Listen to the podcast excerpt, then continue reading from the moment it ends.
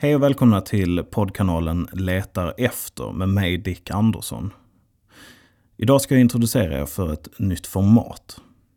Och backstoryn till det här det är att hösten 2016 blev avdelningen som jag jobbade på nedstängd. Vi var överflödiga för företagets framtidsplaner och de sista två månaderna rådde det anarki. Cheferna hade sagt att det skulle vara business as usual, men i realiteten gick vi mest dit för att göra så lite som möjligt. Och i den här miljön bestämde jag och min dåvarande kollega Alexander oss för att vi ville testa att göra en podcastpilot. Resultatet blev Letar efter ekon. Namnet knyckte vi från Kai Karlssons låt med Torsten Flink på sång. En reflekterande text om att plågas av samtiden, tråna efter dåtiden, om att känna hopp för framtiden, om att försöka lära sig av sina misstag och kanske om att gå vidare. Vi visste om att det skulle vara en dyr produktion och vi hade hoppats på att vi skulle kunna inleda ett samarbete med ett produktionsbolag för att kunna fortsätta med konceptet. Men för ett år sedan låg inte vår pilot kanske helt rätt i tiden. Avsnittet handlar om hämnd och vi får ta del av två berättelser som är både starka och viktiga. En om att utsättas för ett fruktansvärt brott och komma till insikten om att hämnd är inte vägen för att gå vidare i livet. En annan om att göra hämnden till livsstil. Vi får också höra den världskända kognitionsforskaren Mattias Obersvart prata om hämndbeteenden hos djur. Och psykologen Susanne Kaplan beskriver hämnd utifrån ett psykologiskt perspektiv. Letar efter ekon har däremot fått eh, evolvera. Det kommer fortfarande vara titeln för släpp om starka berättelser. Men kommer istället vara ett samlingsnamn här på kanalen för reportage och dokumentära inslag. Och har du som lyssnare frågor eller funderingar kan du höra av dig via mail på info letarefter.com eller via Facebook. Sök på letar efter med ett kolon efter efter. Här kommer Letar efter ekon, hämnd. Du lyssnar på Letar efter ekon med mig Alexander Sjöblom. Och mig Dick Andersson. I det här avsnittet ska vi undersöka ämnet hämnd.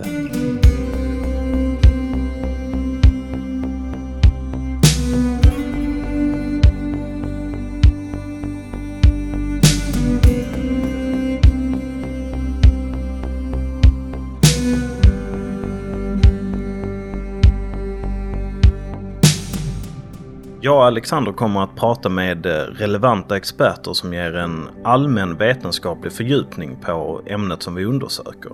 Men det som är kärnan i Letar efter ekon, det är att vi kommer att presentera varsitt case för varandra på avsnittets tema. Ämnet hämnd, det leder oss lätt ner i en hel del mörker, så känsliga lyssnare bör ha det i åtanke. När vi började diskutera hämnd som potentiellt ämne till det här avsnittet sa jag ganska snabbt att jag vill ta reda på om hämnd är någonting mänskligt eller om det också finns hos djur. Ja, men det minns jag. Men vart, vart kan man ens börja ta reda på en sån sak? Ja, det jag gjorde var att jag kontaktade en hel drös av biologiska institutioner, experter på evolution, etologer och biologer. Men ingen ville prata om hämnd som ett beteende hos djur. Uh, och det här tyckte jag var ganska konstigt med tanke på att jag hade läst en intervju i American Scientific med forskaren Michael McCullough. Uh, och han sa att det fanns hämnd hos alla möjliga olika djurarter. And you see this, and this is pervasive across many group living animals. You don't have to just look at human beings but to see punishment serving this really important function. Men till slut så kom jag i kontakt med Mattias Osvart, docent i kognitiv psykologi. Och han studerar? Evolutionen av tänkandet, väldigt enkelt uttryckt. Han berättar att de inte bedriver någon forskning ute i det vilda. Därför att det är ganska svårt att konstruera kontrollerade experiment där.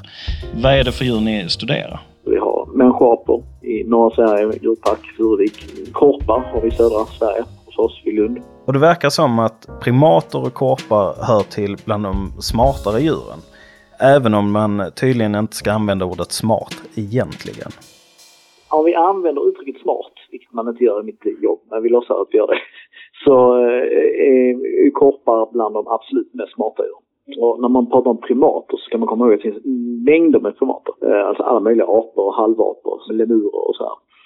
Och eh, egentligen så är det ju människoapor som eh, uppvisar de flesta liksom, såna intelligenta dragen. Många andra apor har inte eh, så hög komplexitet heller i sitt, eh, sitt tänkande. Och när det kommer till kråkfåglar, korpar till exempel, så kommer eh, icke-människoapor, eh, alltså från primaterna. De kommer inte ens i närheten av korpar. Man kan ju säga att människor och norra halvklotet har ju alltid vetat att kråkfåglar är intelligenta och korpar kanske i synnerhet. Och korparna återkommer ju i de flesta jägar-samlarkulturer i ja, hela norra eh, halvklotet och så vår, vår egen gamla nordiska mytologi med Hugen och Munin som betyder ju eh, håg och tanke eller håg och minne.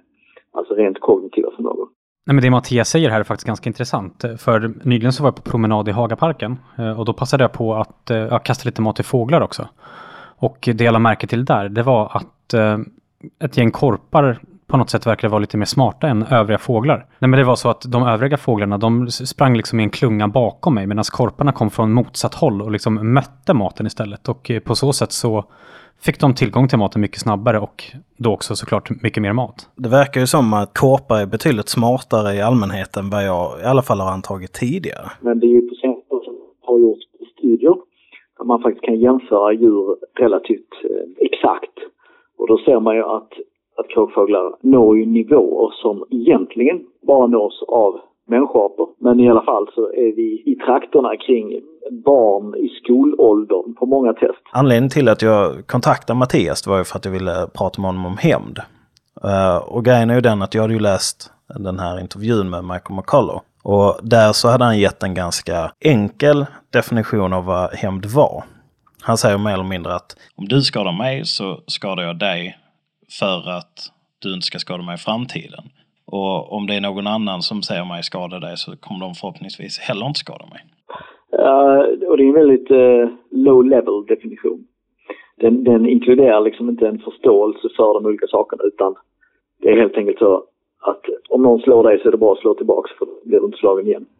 Du behöver bara ett, den andra behöver bara ett minne av dig. Eh, man kan börja med ett vanligt problem, det här med att man tar ett ord som är på något sätt ett psykologiskt ord och sen så tar man, plockar man in det i vetenskapen.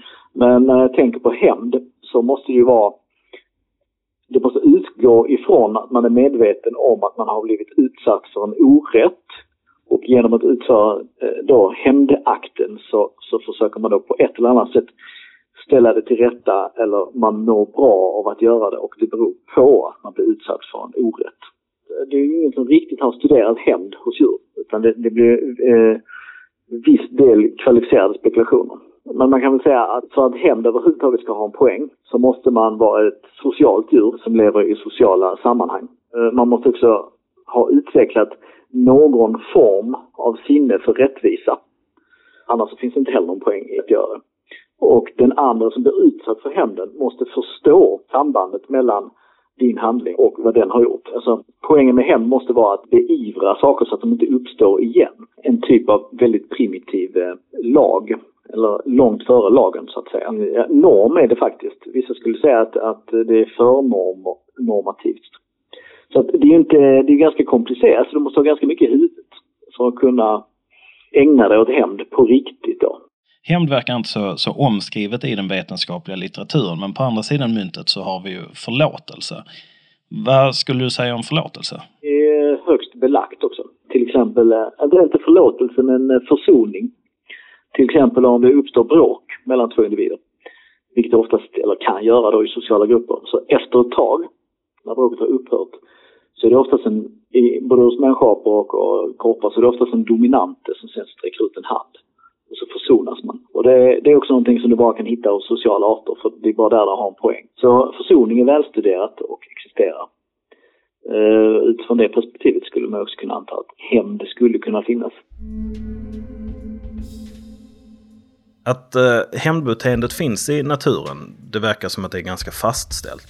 Däremot så är ju frågan vilka arter som detta kan tillskrivas. Enligt Mattias bör det vara kognitivt välutvecklade djur som lever sociala liv, att de är i grupper med andra kognitivt utvecklade individer och med en känsla för rättvisa.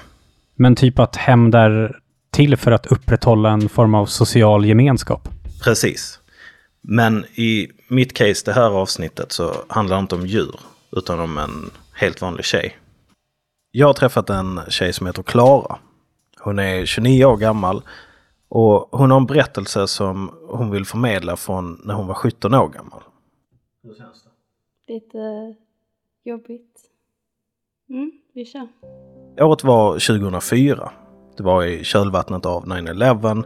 Irakkriget brann, tsunamin orsakade en monumental förödelse och i den här kaotiska världen så eh, var Klara bara en tonåring. Hon växer upp i ett eh, mindre samhälle i södra Skåne. Hon läser barn och fritid på gymnasiet, hon har gott om vänner, försöker ta körkort, festar på helgerna. Hon lever ett helt vanligt liv med allt vad det innebär. Mm. Året som vi återkommer till, det vill säga 2004.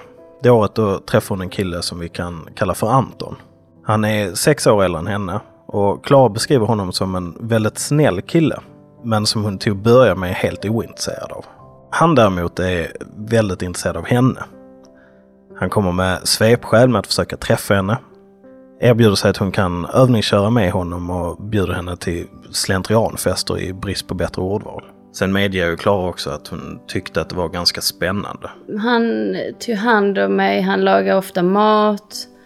Vi mös mycket. Vi, var vi inte i skogen med hans hund och promenerade så var vi kanske ute och gjorde någonting. Eller så var vi bara hemma och hade lugnt och trevligt. De blev tillsammans och efter en kort tid så flyttar hon hem till honom. På ett konstigt sätt så blev han en trygghet. Men allt står inte riktigt rätt till. Om det inte var på helgen. För då eh, hade han oftast fest och det gillar jag inte. Och även om Klara festar en hel del själv så blir det inte riktigt som hon hade tänkt. Han som nykter Eh, var en bra kille. Men tyvärr så styrde alkoholen för mycket eh, om helgerna.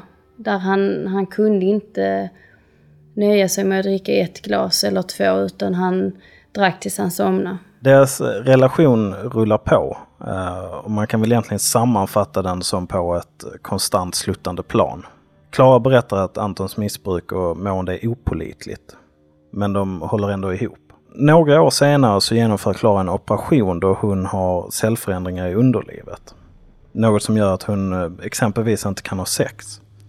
Hon beskriver att Anton under den här tiden är väldigt omtänksam och förstående. Och en dag så föreslår Klara att de ska åka på badhus. Nej men det kan vi ju inte för att du har opererat dig. Du måste tänka och ta det lugnt och så.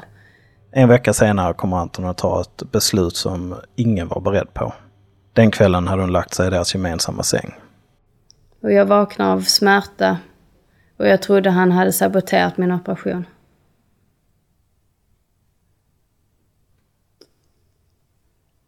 Eh, precis efter han hade gjort det. Ehm, så minns jag att jag ringde min vän. Eh, som varit med om en liknande sak. Eh, och vi pratade. Och Anton blev väldigt arg. Smäller igen dörren och skriker att det är jag som är problemet. Det var på natten då. Men sen så tänkte jag att ja, men det var kanske inte så farligt. Jag, var, jag blev väldigt arg Eh, kände att man inte gör så. Eh, men... Men därefter att försökte jag rättfärdiga att det var kanske inte så farligt. Det är ju ändå trots allt min pojkvän och det är ju inget våld. Så att när, om någon, eller min vän då sa att det var en våldtäkt så blev jag ju nästan sur för att jag kände att jag var ju inte våldtagen. Han hade aldrig gjort något sånt tidigare. Därför så kanske jag slät över det. Jag pratade med honom och han satt tyst och sen så var det lugnt ett tag. Anton transformeras ju här. Från att vara killen som klar beskriver att hon älskat till att hon har svårt att ens veta vem han är.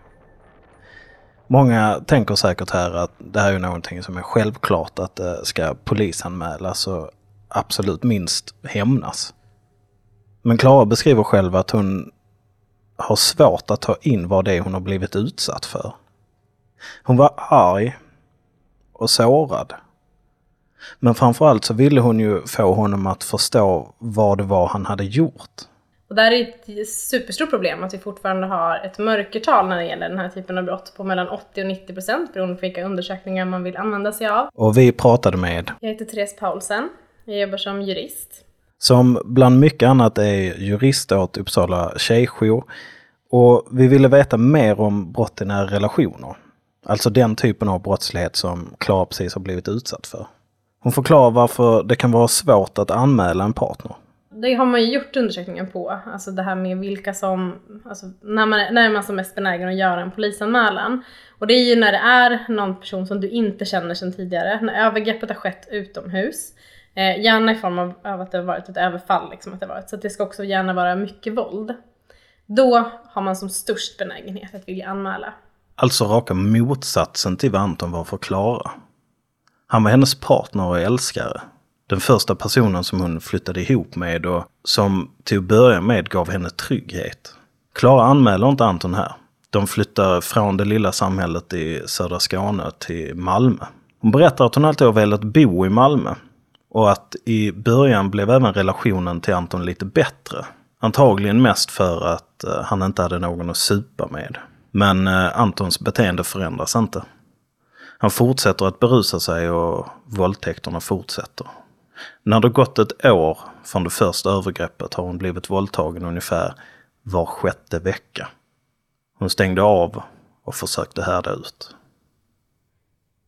Eh, den kvällen hade vi eh, förfest, eh, eller Anton hade förfest, han och några till skulle på en konsert. Jag tror bandet heter Edguy. Det är ingen musik jag egentligen lyssnar på, men alltid kul att gå på konsert. stämningen var jättebra. Eh, det blev en fest. Eh, alla hade trevligt. Vi åkte på konserten. Jag och min syster var lite trötta så vi åkte hem lite innan den var slut. När vi ska gå och lägga oss, detta är som jag har fått återberättat, ingen av oss var speciellt fulla. Eh, men när jag ska gå och lägga mig så säger jag till min syster att men då säger jag att jag får ta på mig extra kläder nu så att han inte våldtar mig denna natten. Jag sa det väl nog sarkastiskt ehm, eftersom jag är så som person. Men det ingen visste var att när han kommer hem så gör han det igen. Och eh, vid detta tillfället så när jag vaknar, han gjorde det oftast när, eller han gjorde det alltid när jag sov och när han var full. Och vid detta tillfället när jag vaknar så blir jag så arg så att eh, på något sätt så får jag ner han från sängen eh, med hjälp av mina ben. Eh, han går ut från sovrummet och jag, jag kallar då på min syster som ligger nere på nedanvåningen i vårt vardagsrum. Hon hörde inte mig så att jag grät och sen så tänkte jag, äh, jag, jag får låta det vara. Men efter en stund så vaknar hon till och frågar om jag har kallat på henne. Och då eh, säger jag ja. Hon hörde att det var någonting fel. Så att eh, jag tror hon kom upp till sovrummet. Och då hade Anton gått in i ett annat rum på ovanvåningen. Och hon öppnar dörren där och skriker på honom. Sen så blir han förbannad och går ut och röker och under denna tiden så har jag gått ner och jag har lagt mig under en filt på soffan. Jag är bara så ledsen. Så när min syster frågade mig om hon får ringa polisen så ryckte jag på axlarna och sa gör vad du vill, jag bryr mig inte. Jag var väl mer, mer en känsla av uppgivenhet. Och efter min syster valde att ringa polisen så kom eh, fem polismän in Eh, någon tog mig åt sidan i köket och någon gick upp och hämtade Anton. Sen körde de iväg med honom och körde iväg mig till kvinnokliniken. Jag minns att vi fick vänta en bra tid innan det kom en gynekolog som kunde undersöka mig. Jag hör bara att han pratar högt för att eh, dokumentera. Och när han säger att jag har spruckit i båda hålen. Det, han sa det inte exakt så men det var så jag tog det till mig så bryter jag ihop och gråter. Eh, därefter så får vi lämna. Och blir hemkörda. Um, vill du ta en paus? Ja.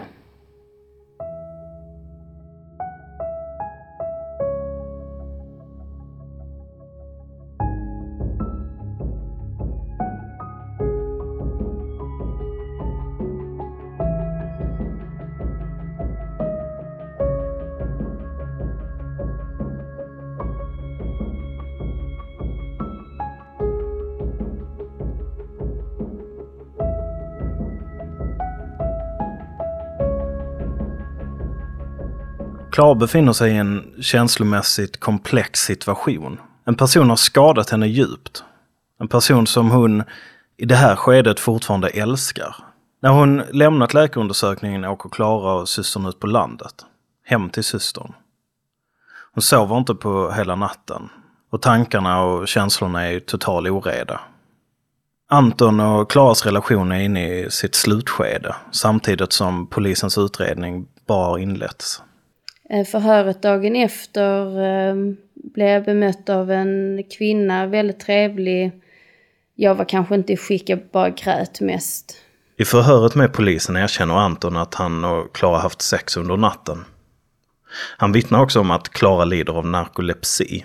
Ett sällsynt tillstånd som kan orsaka sömnattacker, uppsplittrad nattsömn, sömnparalys och hallucinationer av en skräckfylld natur. Till saken hör att Klara aldrig diagnostiserats med narkolepsi samt att Anton inte är läkare utan snickare till yrket. Med andra ord så är det här en lögn och inget annat. Läkaren som undersöker Klara utför en undersökning utifrån ett så kallat rape kit. Det tar eh, mellan 2,5 och 5 timmar där läkaren samlar biologiska prover av sperma, blod, saliv och andra kroppsvätskor. Och sen undersöks kroppen efter skador som fotodokumenteras. Efter förhören och undersökningarna tar Klara beslutet att hon inte vill medverka i polisens utredning. Jag var så splittrad. Så att eh, av bekvämliga skäl tror jag, jag minns inte riktigt, så kände jag att jag, jag lutar mig på polisen för att de kommer hjälpa mig i alla fall.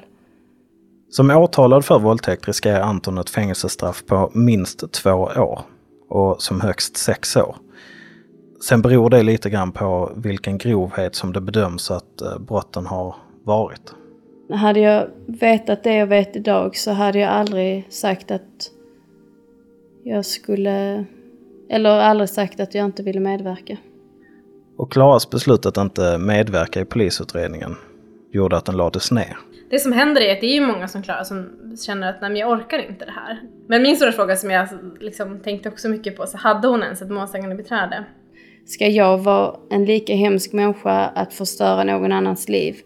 För just vid det tillfället så var jag ju inte där att kunna se, jag hade så svårt för att säga att det var en våldtäkt, även om sista gången var värre än någonsin. Jag ville bara låta allt vara. Det är ju naturligtvis omöjligt för oss att förstå exakt vad det var som hände inom Klara vid den här tiden. Hon berättar att hon har svårt att ta in att hon ens har blivit våldtagen. Att hon under den här tiden inte vill honom något illa. Och att hon ser ett minimum av två år i fängelse som just något illa. Egentligen så har man ju rätt till det från det att du gör din anmälan så ska ju polisen redan då fråga dig ett, vill du ha ett målsägande beträde?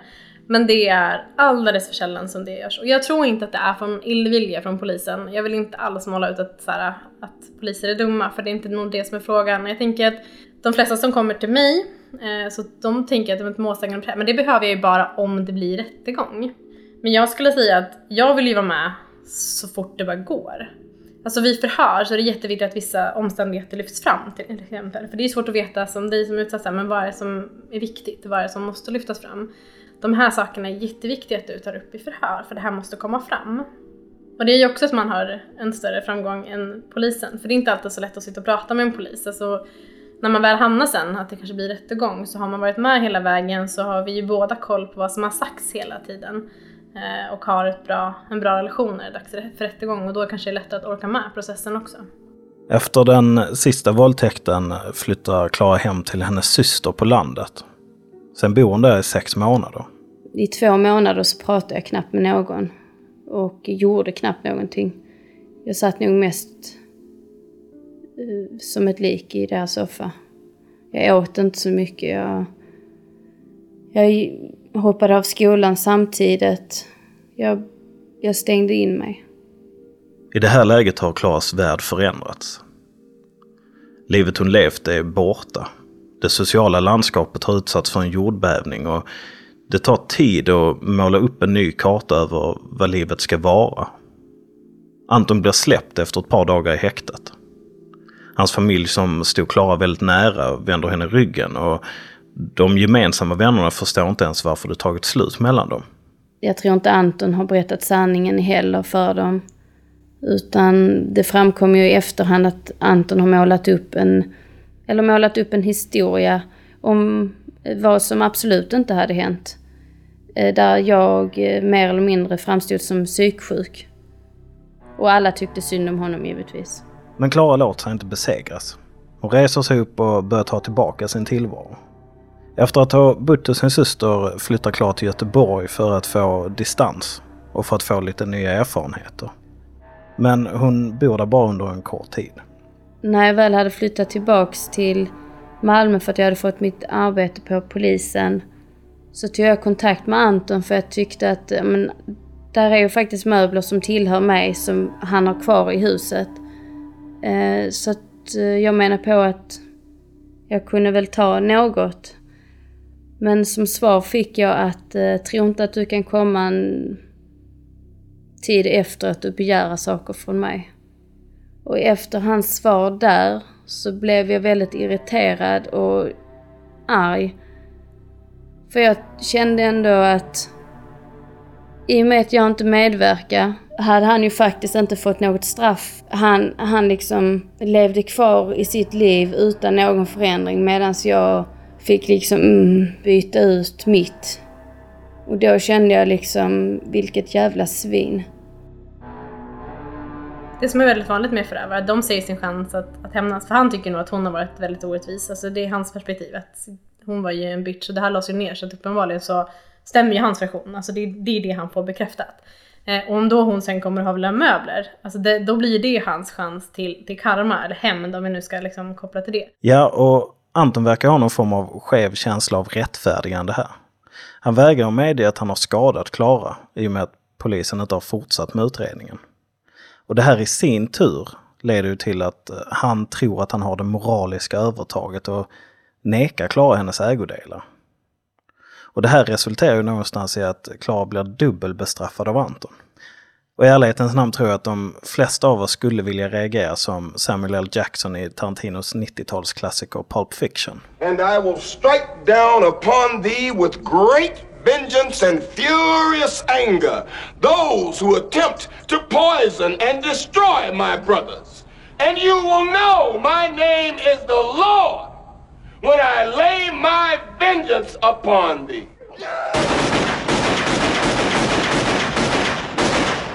Men inte Klara. Den välkända kognitionsforskaren Steven Pinker vid Harvard University skriver i hans bok eh, The Better Angels of Our Nature att för att göra hämnd så krävs det att eh, man slår av empatin. Något Klara inte gjorde. Och det här är antagligen en av många faktorer som spelar in i hennes agerande. Jag ville bara att han skulle vara utsatt för någonting för att han förstod verkligen inte vad han hade gjort. Så då tänkte jag att nej men jag kan väl åka dit och punktera hans däck på bilen för att han inte skulle komma lätt till jobb. Alltså det var bara en sån grej. Jag skulle aldrig göra det men tanken slog mig bara för att jag kände mig frustrerad över att han han fick inte ett jävla skit. Jag tänkte att hoppas något händer honom så han kan få smaka på sin egna medicin utan att jag gör det. Så verkar ju inte fallet.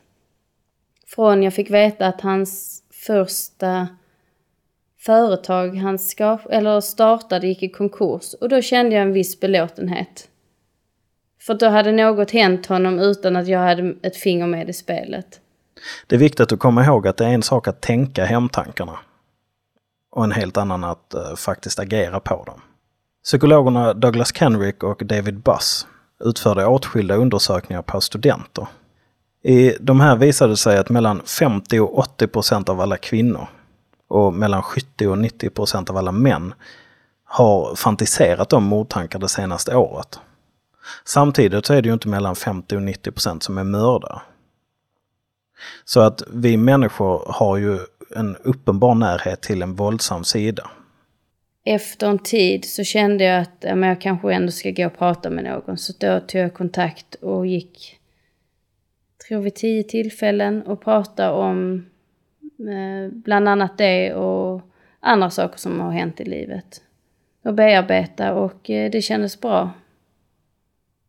Idag jobbar jag med eh, brott i nära relationer på, eller som utredare på polisen och eh, när jag fick våldtäktsärende så kunde jag dra nytta av min egen erfarenhet. Jag, inte att jag pratade om den, men jag kunde bemöta personen som var utsatt kanske på ett annat sätt eh, om jag inte själv hade varit utsatt. Alltså av allt det hemska så har jag tagit det som en lärdom.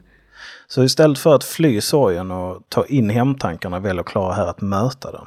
Detta trots att rättssystemet har misslyckats. Rättvisan skipas inte i alla lägen. Vi hamnar då lätt i diskussioner rörande dilemmat med rättssäkerhet. För å ena sidan bör vi hellre fria än fälla om det är en svag bevisning. Något som kan leda till att skyldiga gärningspersoner kan undslippa rättvisan. Å andra sidan, om vi hellre ska fälla än fria, kommer vi att sätta in oskyldiga personer i fängelse. Therese Paulsen tycker att vi borde komplettera rättssystemet med en mera reparativ rättvisa. Utgångspunkten för reparativ rättvisa är att den som åsamkat skadan ska reparera den genom att gottgöra den person som har drabbats. Och ett exempel på det här kan vara medling. En metod där den utsatta personen bjuder in förövaren till ett samtal som modereras av en medlare. Genom att plocka ner den här situationen eller konflikten, brottet, liksom så att den, de här parterna båda två får vara mycket mer delaktiga, så tror jag absolut att det kan ha en bra effekt, speciellt för de som har utsatts, som får sin möjlighet att säga sin sak. För att i en, under en rättegång eller huvudförhandling så absolut, de berättar sin version. Men det är inte så att de har ett öppet samtal. Alltså samtalet är fortfarande med rätten och inte med, med den tilltalade. Och många gånger tror jag att det är samtalet med den tilltalade som behövs för att man faktiskt ska känna upprättelse.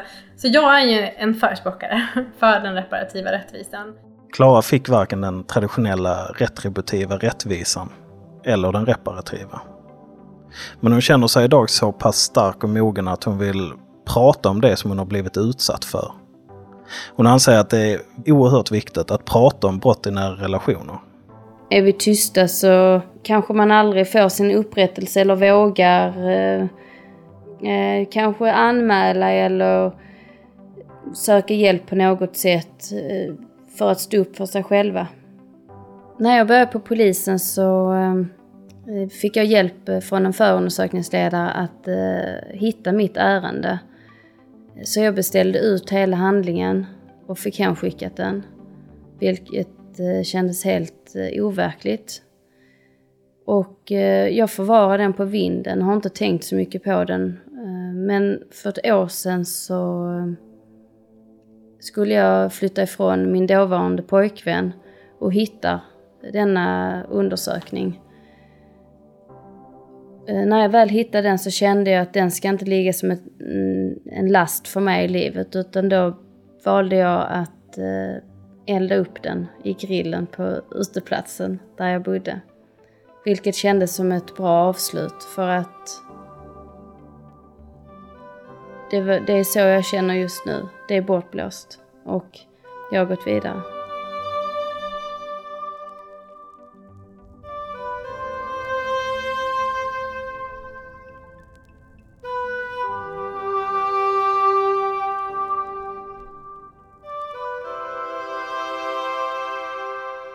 Klaras berättelse påverkar mig på flera olika plan.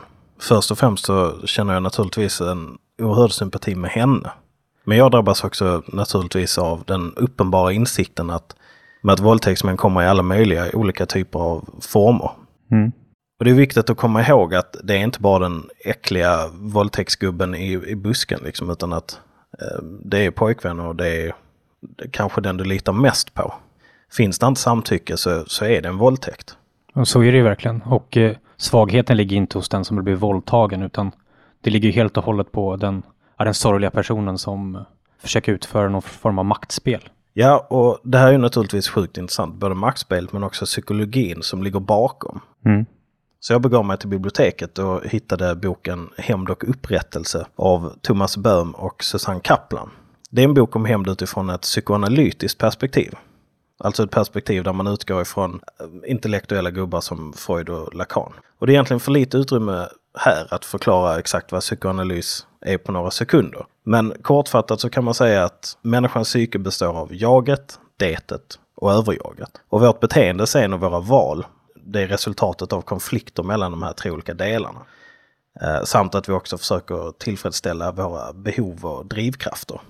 Mitt namn är Susanne Kaplan. Jag är psykoanalytiker och eh, forskare.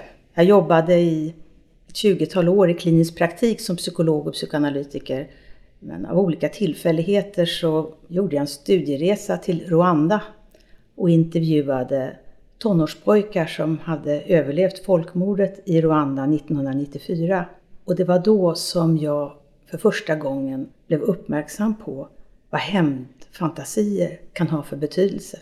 När det gäller själva begreppet hämnd så det är ju ett ämne som nästan är elektrifierat. På varenda café så kommer ämnet upp. Så det är en viktig fråga, vad menar vi med hämnd? Och då jag har ofta stött på frågan, men är det inte bra med lite hämnd, sådär mellan tummen och pekfingret?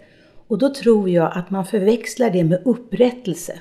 Hämnd är resultatet av att en person blir försatt i ett underläge, upplever sig kränkt eller är faktiskt utsatt för en kränkande handling. I det ögonblicket väcks starka känslor av vrede, av rädsla och omedelbart så börjar man, oavsett om det är medvetet eller inte, att spinna på ett sätt att kunna ge igen eller på något sätt kunna återupprätta den egna självkänslan.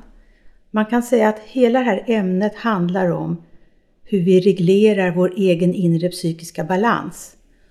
Och det gör vi dagligen var och en av oss. Man kan säga att ha hämndfantasier hör livet till. Men att omsätta det i handling, att man ger igen med samma mynt och ofta om man faktiskt ger igen så lägger man på lite extra för att trycka till den andra. Då är enligt min uppfattning, då är det alltid destruktivt därför att den andra börjar då också spinna på hämnd och lägga på lite extra. Förutom det faktum att Susanne är en av få i Sverige som faktiskt gett sig på att förklara vad hämnd är, mm. så, så tyckte jag att det skulle vara speciellt intressant att få hennes psykoanalytiska förklaring till vad det är som gör en person hämndlysten. Om man har varit utsatt tidigt i livet för kränkningar i sin egen ursprungsfamilj, och då finns det också olika grader av det. Har man en ganska auktoritär och självupptagen förälder som är väldigt bestämd på hur man ska uppföra sig och sätter för hårda gränser, så kanske man utvecklar en personlighet där man blir en väldigt anpassad person man anpassar sig för att försvara sig mot de skamkänslor som uppstår när man inte tyckte man kunde försvara sig mot sina föräldrar. Det är en variant. En annan är om föräldrarna går ett steg till och blir våldsamma eller bestraffande mot sina barn. Då väcks någonting som man kan kalla för en hämndlysten karaktär. Man vågar ju inte hämnas på sina föräldrar, men man kanske utvecklar en personlighet där man ruvar på hämnd när tillfälle ges. Det som annars slog mig med Klara är ju att hon inte var mer hämndlysten. Utan att hon hela tiden bara ville gå vidare och lämna traumat bakom sig. Alltså all den energin som man vill i första fantasin lägga på att trycka ner den andra. Och man kan använda den energin till att istället försöka göra någonting bra för sig själv till exempel satsa på den där utbildningen man drömde om eller kanske det kommer att reta den andra att man lyckats med det här. Men framför allt så har energin gått till att göra någonting som känns bra för en själv. För vad händer när man hämnas i handling? Det är ju att man själv blir en förövare så att säga. Jag berättar om Antons sätt att hämnas på Klara genom att inte låta henne få tillbaka sina möbler. Det här är jätteintressant därför att nu kommer vi in på någonting som man kan kalla för förföljande skuld. vilket är någonting mycket mer primitivt än vanliga skuldkänslor. Förövaren som har utsatt en kvinna till exempel för en våldtäkt för att inte känna på sina egna skamkänslor för det man har, så fortsätter man att utföra destruktiva handlingar mot den här kvinnan. Som att hon blir förövaren. Det är en projektion av ens egna skamkänslor som man lägger över på den andra.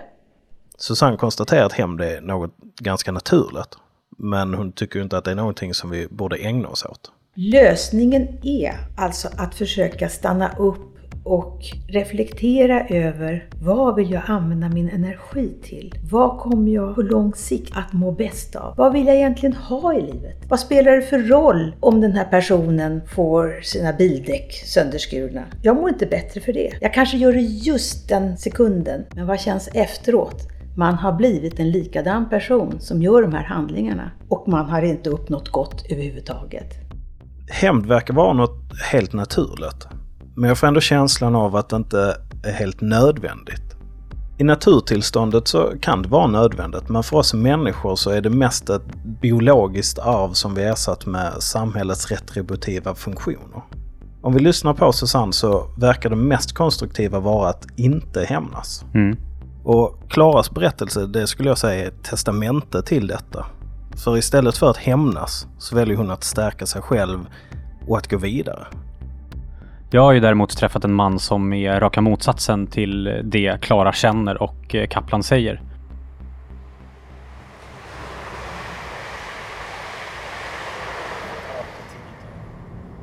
Alltså det behöver inte vara så snabbt allting. Och... För det här med alltså en vanlig intervju, det blir så enkelspårigt på något sätt. Ja.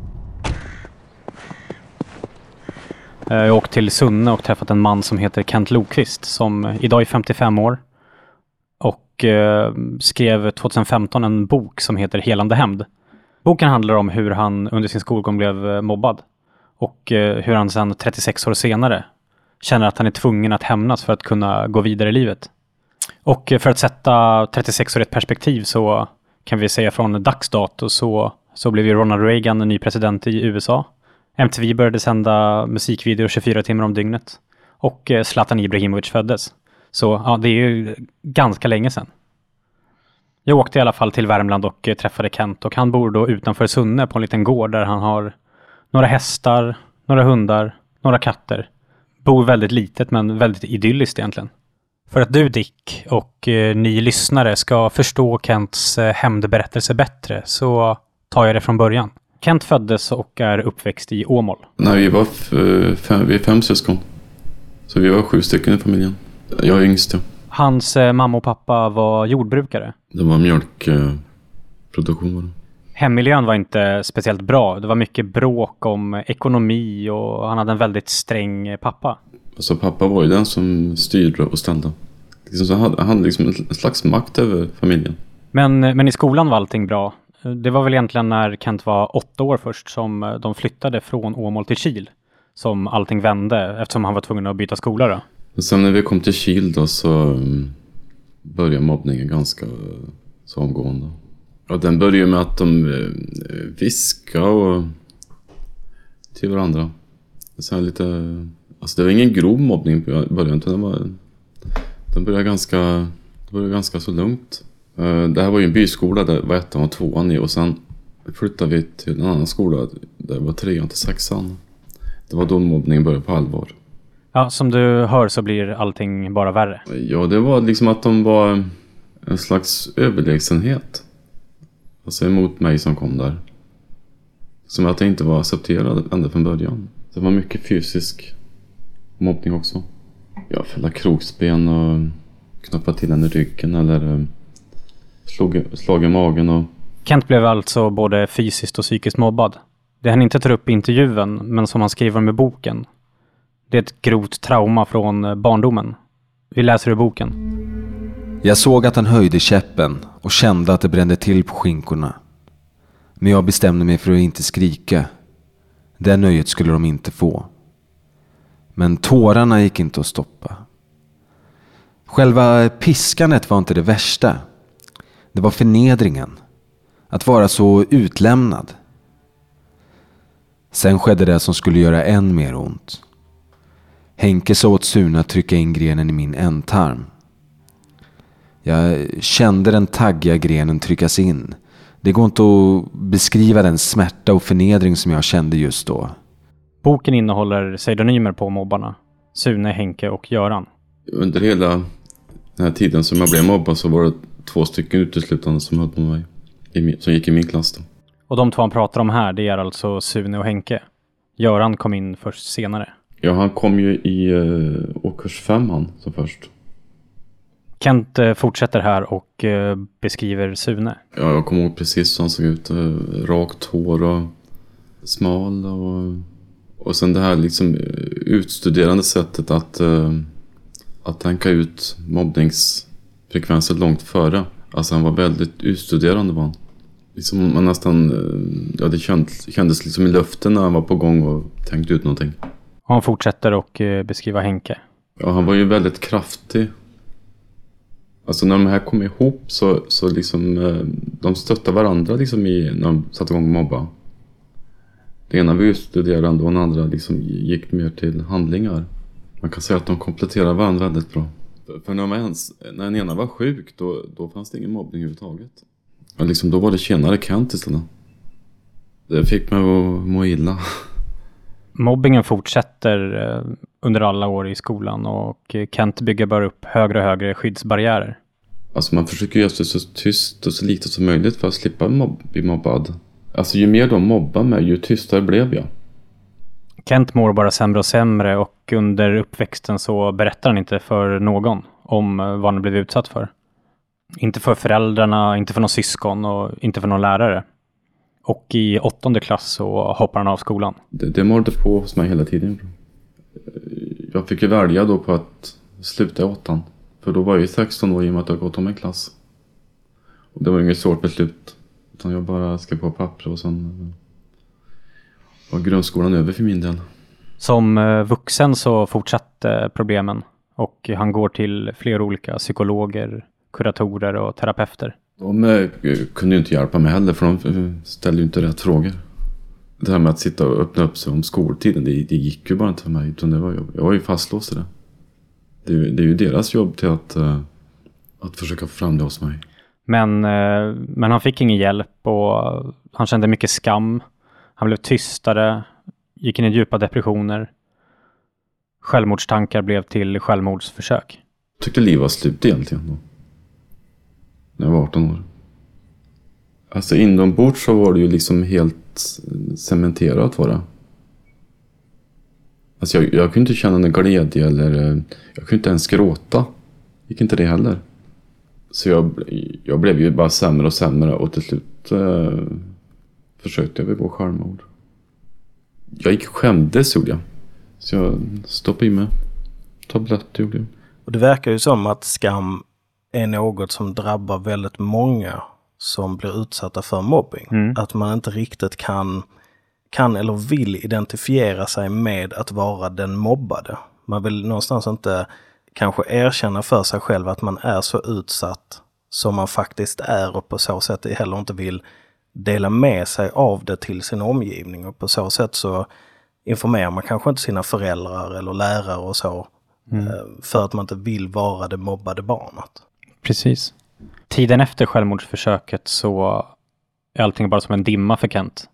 Det finns inga uppgångar, det finns inga nedgångar utan han flyter bara med i livet och uh, åren går. Han försöker ändå ta upp studierna igen men det fungerar helt enkelt inte i skolan. Alla minnen kommer tillbaka. Kunde se en tre, fyra stycken stå och prata i klunga utanför skolan. Bara en sån sak satte igång det här med tankar på skoltiden. Höra en blyertspenna hamna i golvet. Det blev en flashback. När Kent är 30 år gammal så gifter han sig och skaffar barn. Såklart någonting positivt, men inte tillräckligt. Han har fortfarande inte berättat för sin fru vad han har varit med om under barndomen och han mår fortfarande dåligt till slut så faller allting? Um, vi hade varit gifta i 14-15 år då. Då som först.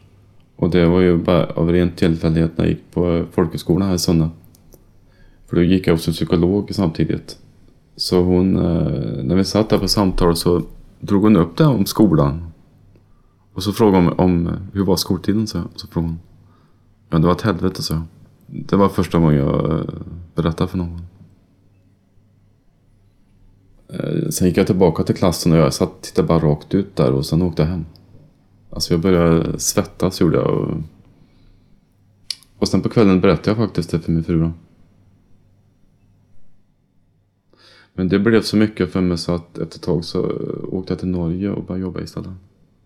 Liksom då, då slapp jag hemmiljön och... Det var en jobbig tid var det. Ja, det var uppror var det. Alltså det var totalt kaos egentligen. Jag gick och skämdes gjorde jag. Ännu mer än tidigare. Och liksom det, det, det, det var, nä, var nästan panik hos mig då. Att, och ja nu har ju alla andra fått reda på det också. Men då, men då gick jag och tänkte att nej, det här kan, det här kan inte fortsätta utan jag måste ta tag i det. Så när jag kom hem då så började jag fundera på det där att kontakta dem. De här som eh, hade gjort mig så mycket ont. Men hur visste jag inte.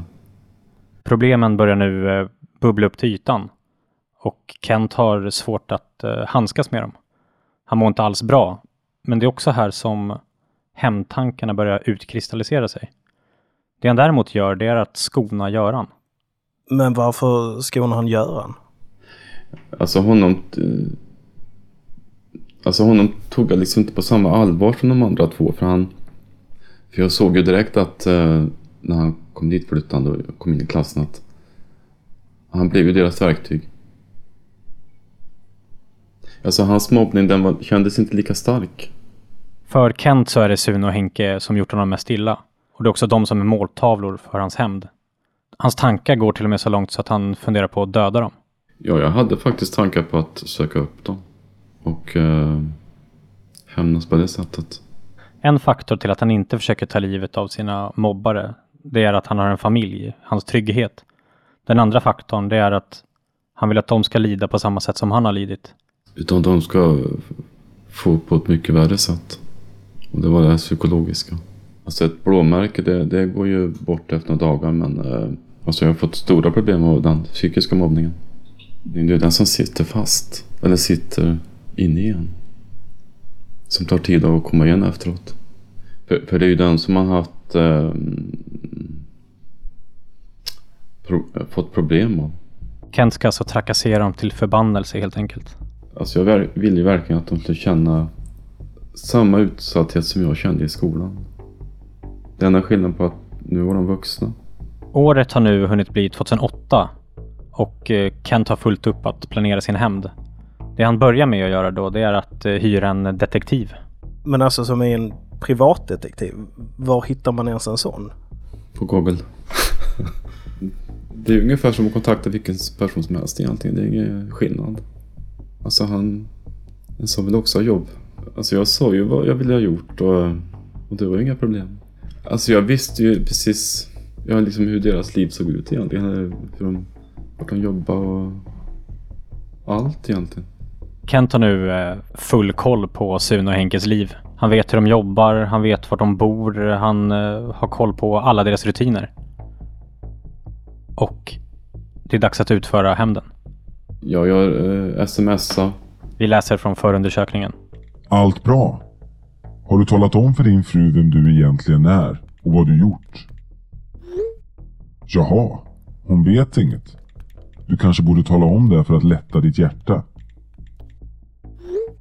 Du bör titta dig om lite oftare nu. Jag finns där hela tiden. Har helgen varit bra tjockis? Och sen ringde jag. Kent vänder på dygnet för att kunna skicka sms och eh, ringa på olämpliga tider. Bland annat så ringde han eh, cirka 04 på juldagen. En gång ringde han mitt på dagen när bara Sunes tioåriga son var hemma. Sonen upplevde det så pass obehagligt så att uh, Sunes fru fick komma hem till honom. Bland det mest allvarliga som Kent gjorde det var att eh, anmäla både Sune och Henkes familj till socialen. Till dem beskrev han att eh, i de båda familjerna så fanns det alkoholproblem med mycket bråk och att barnen i respektive familj for illa. Och jag kan säga att varje gång jag gjorde detta, eller varje dag eller vecka så gick så... det är liksom att ge tillbaka. Det gjorde så att jag blev, mådde lite bättre istället. Jag fick... Eller med ångesten vart... Den minskade lite hos mig. Alltså nu, nu, nu var det inte jag som var utsatt utan nu var det de istället. Det har nu blivit vår och året är 2010. Det har snart gått två år sedan han började trakassera sina mobbare. Och Kent har nu nått sitt slutgiltiga mål. Och det är att gå till polisen och erkänna allting. Hur tänkte han där egentligen? Jo, det är så att eh, anledningen till att han gick till polisen och erkände allting. Det var just för att han vill möta dem i en rättegång. Den tiden hade gått ett och ett halvt år så eh, kände jag att nej, nu var det dags att, att avsluta det i alla fall. Kapitlet och liksom att ta tag i det sista. Och med nästa kapitel menar han då själva rättegången. Vi gick ju upp ganska tidigt. Sen kommer jag ihåg att jag... Alltså jag visste ju egentligen inte vad... Alltså jag var, jag, jag var ju väldigt spänd inför detta. Jag, jag visste ju inte, jag hade aldrig varit på en rättegång tidigare liksom vad som skulle ske och... Och sen att möta dem, det, det var mm, det värsta av alltihop egentligen. Alltså om de satt när jag kom dit eller om de vart de befann sig. Och sen se deras ansikten igen. Det, det, det var jag väldigt uh, nervös inför. Alltså, samtidigt visste, visste jag också Eh, att jag måste ta tag i det. För att kunna gå vidare i mitt liv. Alltså, det, här, det var också ett avslut med att få en rättegång. Kunna bearbeta det och sen gå vidare. Så jag var ju, så jag var ju helt enkelt tvingad att gå igenom det. Det fanns inget val för mig. Uh, ja, vi kom ju, åkte så pass till så jag där först var, var vi. Och sen när vi satt där så... Uh, det var väldigt obehagligt var det. Liksom alltihopa, sitta och vänta där och, och sen eh, höra dessa komma i eh, trappan. Alltså känna deras närvaro och se deras närvaro. Ja, det var väldigt obehagligt. Liksom då, då kom det här gamla uppe från skoltiden. När man hörde deras röster och, och så. Så jag var ju tillbaka i skol, på skolgården där. Och, men, men sen lyckades jag liksom samla ihop mig och um, liksom och tänkte att nej egentligen så är det jag som är den starkare än de två. På något vis. I vittnesmålet i rättegången så berättar Sune och Henke att de har gått i samma klass och att de absolut inte har mobbat honom. Men att de kanske har gett honom lite gliringar då och då. Det hela mynnar ut i att Kent blir dömd för ofredande. Först så frågade, frågade hon Sune, då, åklagaren, om Eh, liksom hur, han, hur han kände mig. Då. Och då sa han att jag gått i samma klass ifrån sko i skolan. Då. Ifrån ettan till sjuan. Och sen sa hon det att jag, att jag påstod att de har mobbat mig under skoltiden, om det var sant eller inte. Nej, sa han. Han har gett mig någon glidning någon gång, sa han. Alltså, man, alltså på sätt och vis, jag blev inte förvånad att han, att han gav det svaret. Och sen frågade, han, frågade hon Henke likadant. Om, jag, om han hade utsatt mig för mobbning under grundskolan.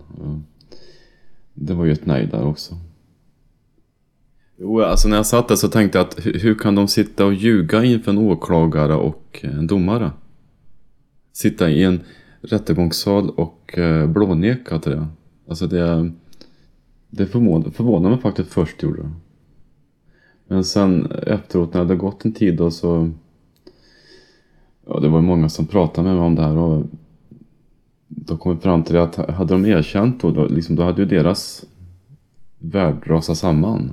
Alltså inför familj och vänner om de hade erkänt det. Jag först var besviken. När jag blev tilldömd skadestånd där. Och böter. Men eh, det är också likadant med det när det hade gått en två, tre månader. Så sjönk det där bort liksom och... För, för jag mådde ju trots allt bättre. Så, så var jag, Då försvann den besvikelsen.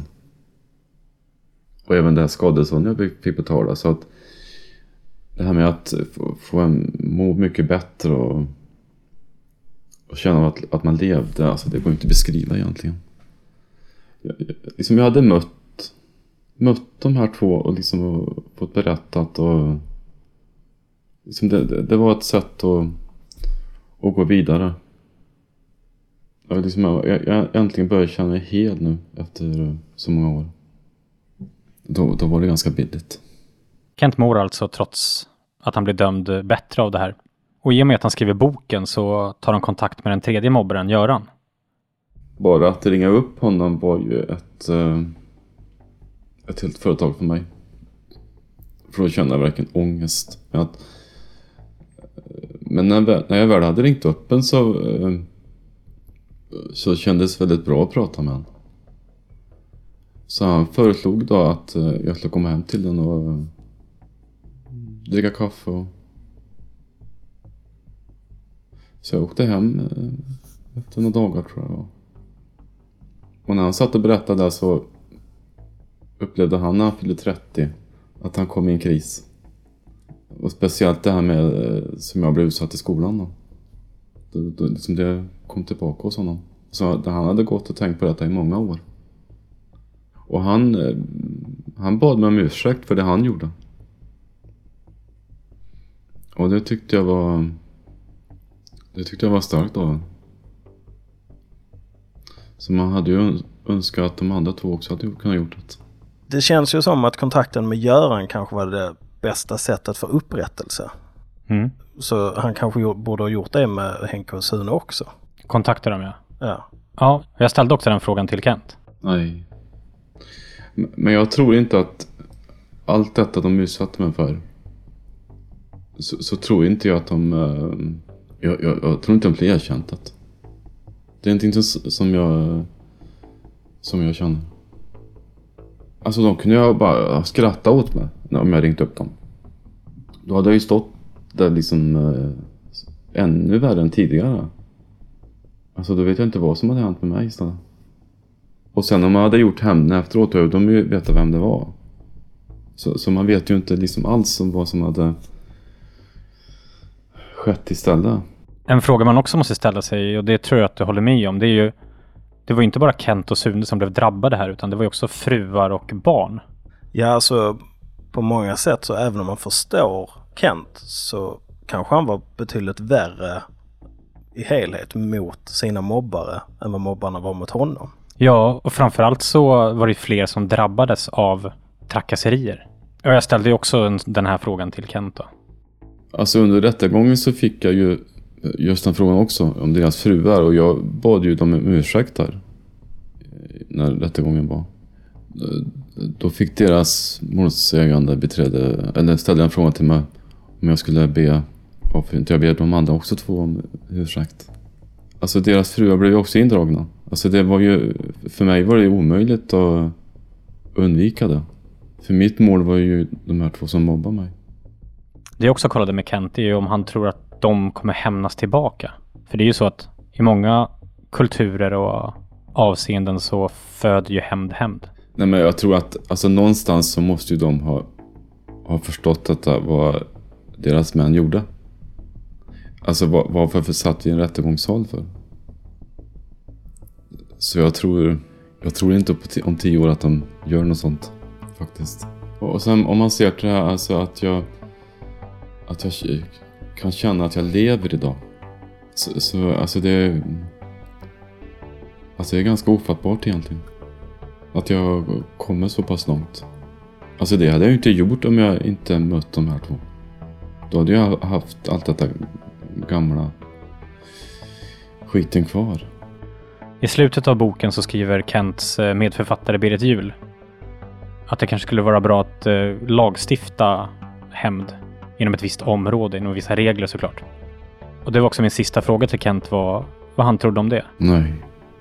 Alltså vi är så olika alla. Så att liksom säga generellt att eh, uh, hämnd är bra, det är inte något, det är inget bra sätt. Bara för att jag, jag kan bara se från mitt, uh, från min utgångspunkt, alltså vad som gällde just mig. Oavsett kanske många tycker det här var ett väldigt drastiskt sätt så var det för mig var det ett bra sätt i alla fall. Till att kunna må bättre. Alltså när man är utsatt för mobbning så alltså, en del kan ju liksom kan bara rycka åt axlarna när man blir utsatt för mobbning. En del tar det väldigt hårt på.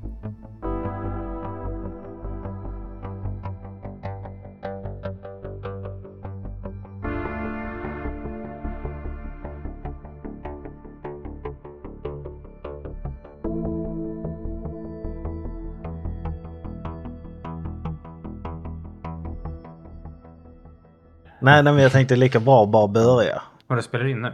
Jag sa till play precis. Jaha. Precis. Ja, ja. Nu har vi då hört eh, Kent eh, som jag träffade i Sunne. Det jag tar med mig från den resan och som jag satt och tänkte på också på tåget hem, det var att hur förvirrande det känns med Kents helande hämnd. Alltså, han går runt och bär på det här i 36 år. Han berättar ju själv att han kände sig helt cementerad inombords. Och sen hämnas han.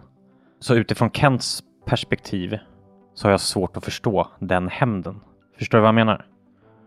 Ja, därför att om hämnden är ett sätt att hantera traumat och gå vidare Mm. så känns det väldigt kontraproduktivt att dra ut på lidandet i 36 år. Precis. Men om vi börjar försöka bena ut vad hämnd i sin enkelhet är Mm. så, så, så kan man betrakta det från flera perspektiv, men det är framförallt två som jag kommer att tänka på. Det ena är Michael McCullough definition, eh, som Mattias Osvart kallar för en low level definition. Där man försökt bryta ner definitionen till en så enkel förklaring som möjligt för att kunna testa den i en vetenskaplig miljö. Också för att förstå helheten. Ja, det blir enklare att sätta in den i ett sammanhang. Precis. Ehm, och den definitionen är ju, ja om du skadar mig så skadar jag dig för att du inte ska skada mig igen. Men utifrån ett mänskligt perspektiv, eller ett mer sofistikerat perspektiv, så, så känns den definitionen lite fattig och innehållslös. Den, fun- den funkade ju för väldigt, väldigt länge sedan när man bodde i isolerade byar till exempel. För då var man ju tvungen att ta hem den direkt. Ja, alltså i ett mer primitivt samhälle Mm. så har man ju fullt upp med att samla mat och, och leva för dagen. Um, Medan i, i det moderna samhället och i lite mer kognitivt utvecklade varelser så har du inte restriktionerna av att du är fast på samma ställe och lever en smal tillvaro om man säger så. Jag tror inte att man hade kunnat genomföra Kents hämnd ens på säg 1800-talet. Utan det krävs väl kanske ett samhälle som tar hand och håller liv i de som faller snett. För Kent mådde ju uppenbarligen dåligt. Han var ju självmordsbenägen och hade det inte funnits de sociala skyddsnäten som, som finns i samhället så, så kanske inte han hade funnits med oss idag. Så utifrån det perspektivet så, så blir ju den här low level definitionen ganska tom. För att jag, jag är snarare inne på det Mattias och Susanne Kaplan säger att det krävs att det är individer som har en känsla för rättvisa, som lever i en social miljö och som hämnas på andra i samma sociala miljö och har ett intresse av att upprätthålla någon form av social ordning. Det är så många, det är så många fler lager som måste på den där low level definitionen. Precis, för att, för att det ska bli begripligt i en mänsklig kontext.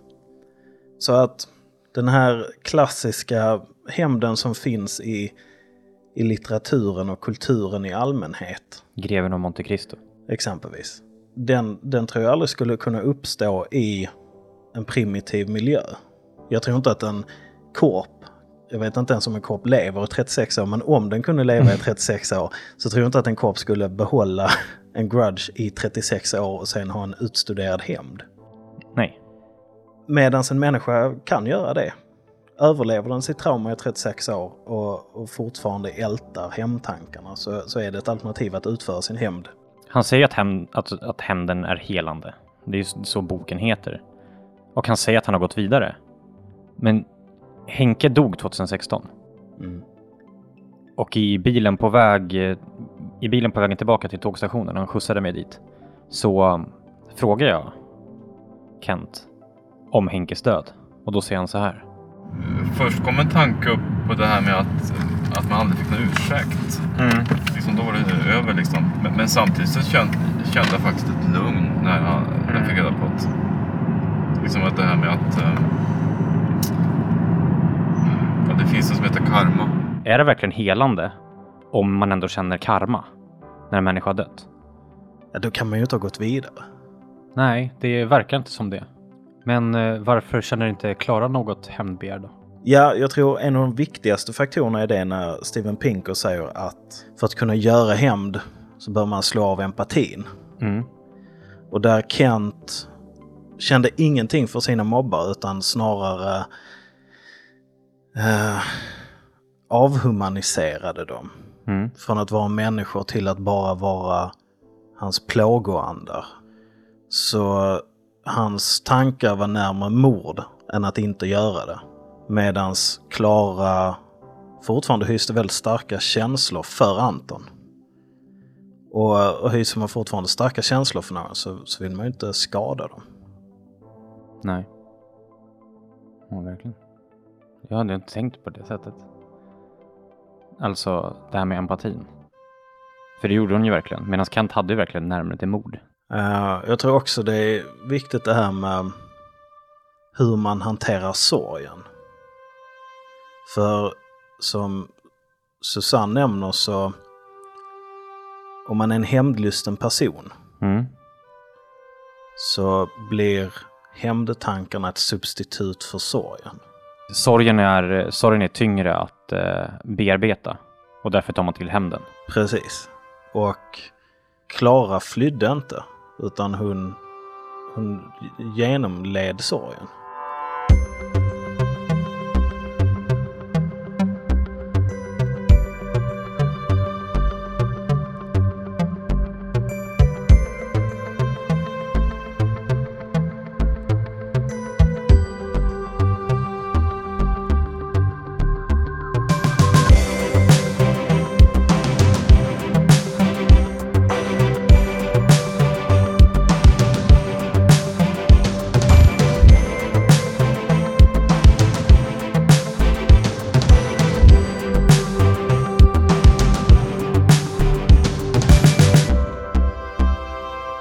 Först och främst vill vi tacka Klara.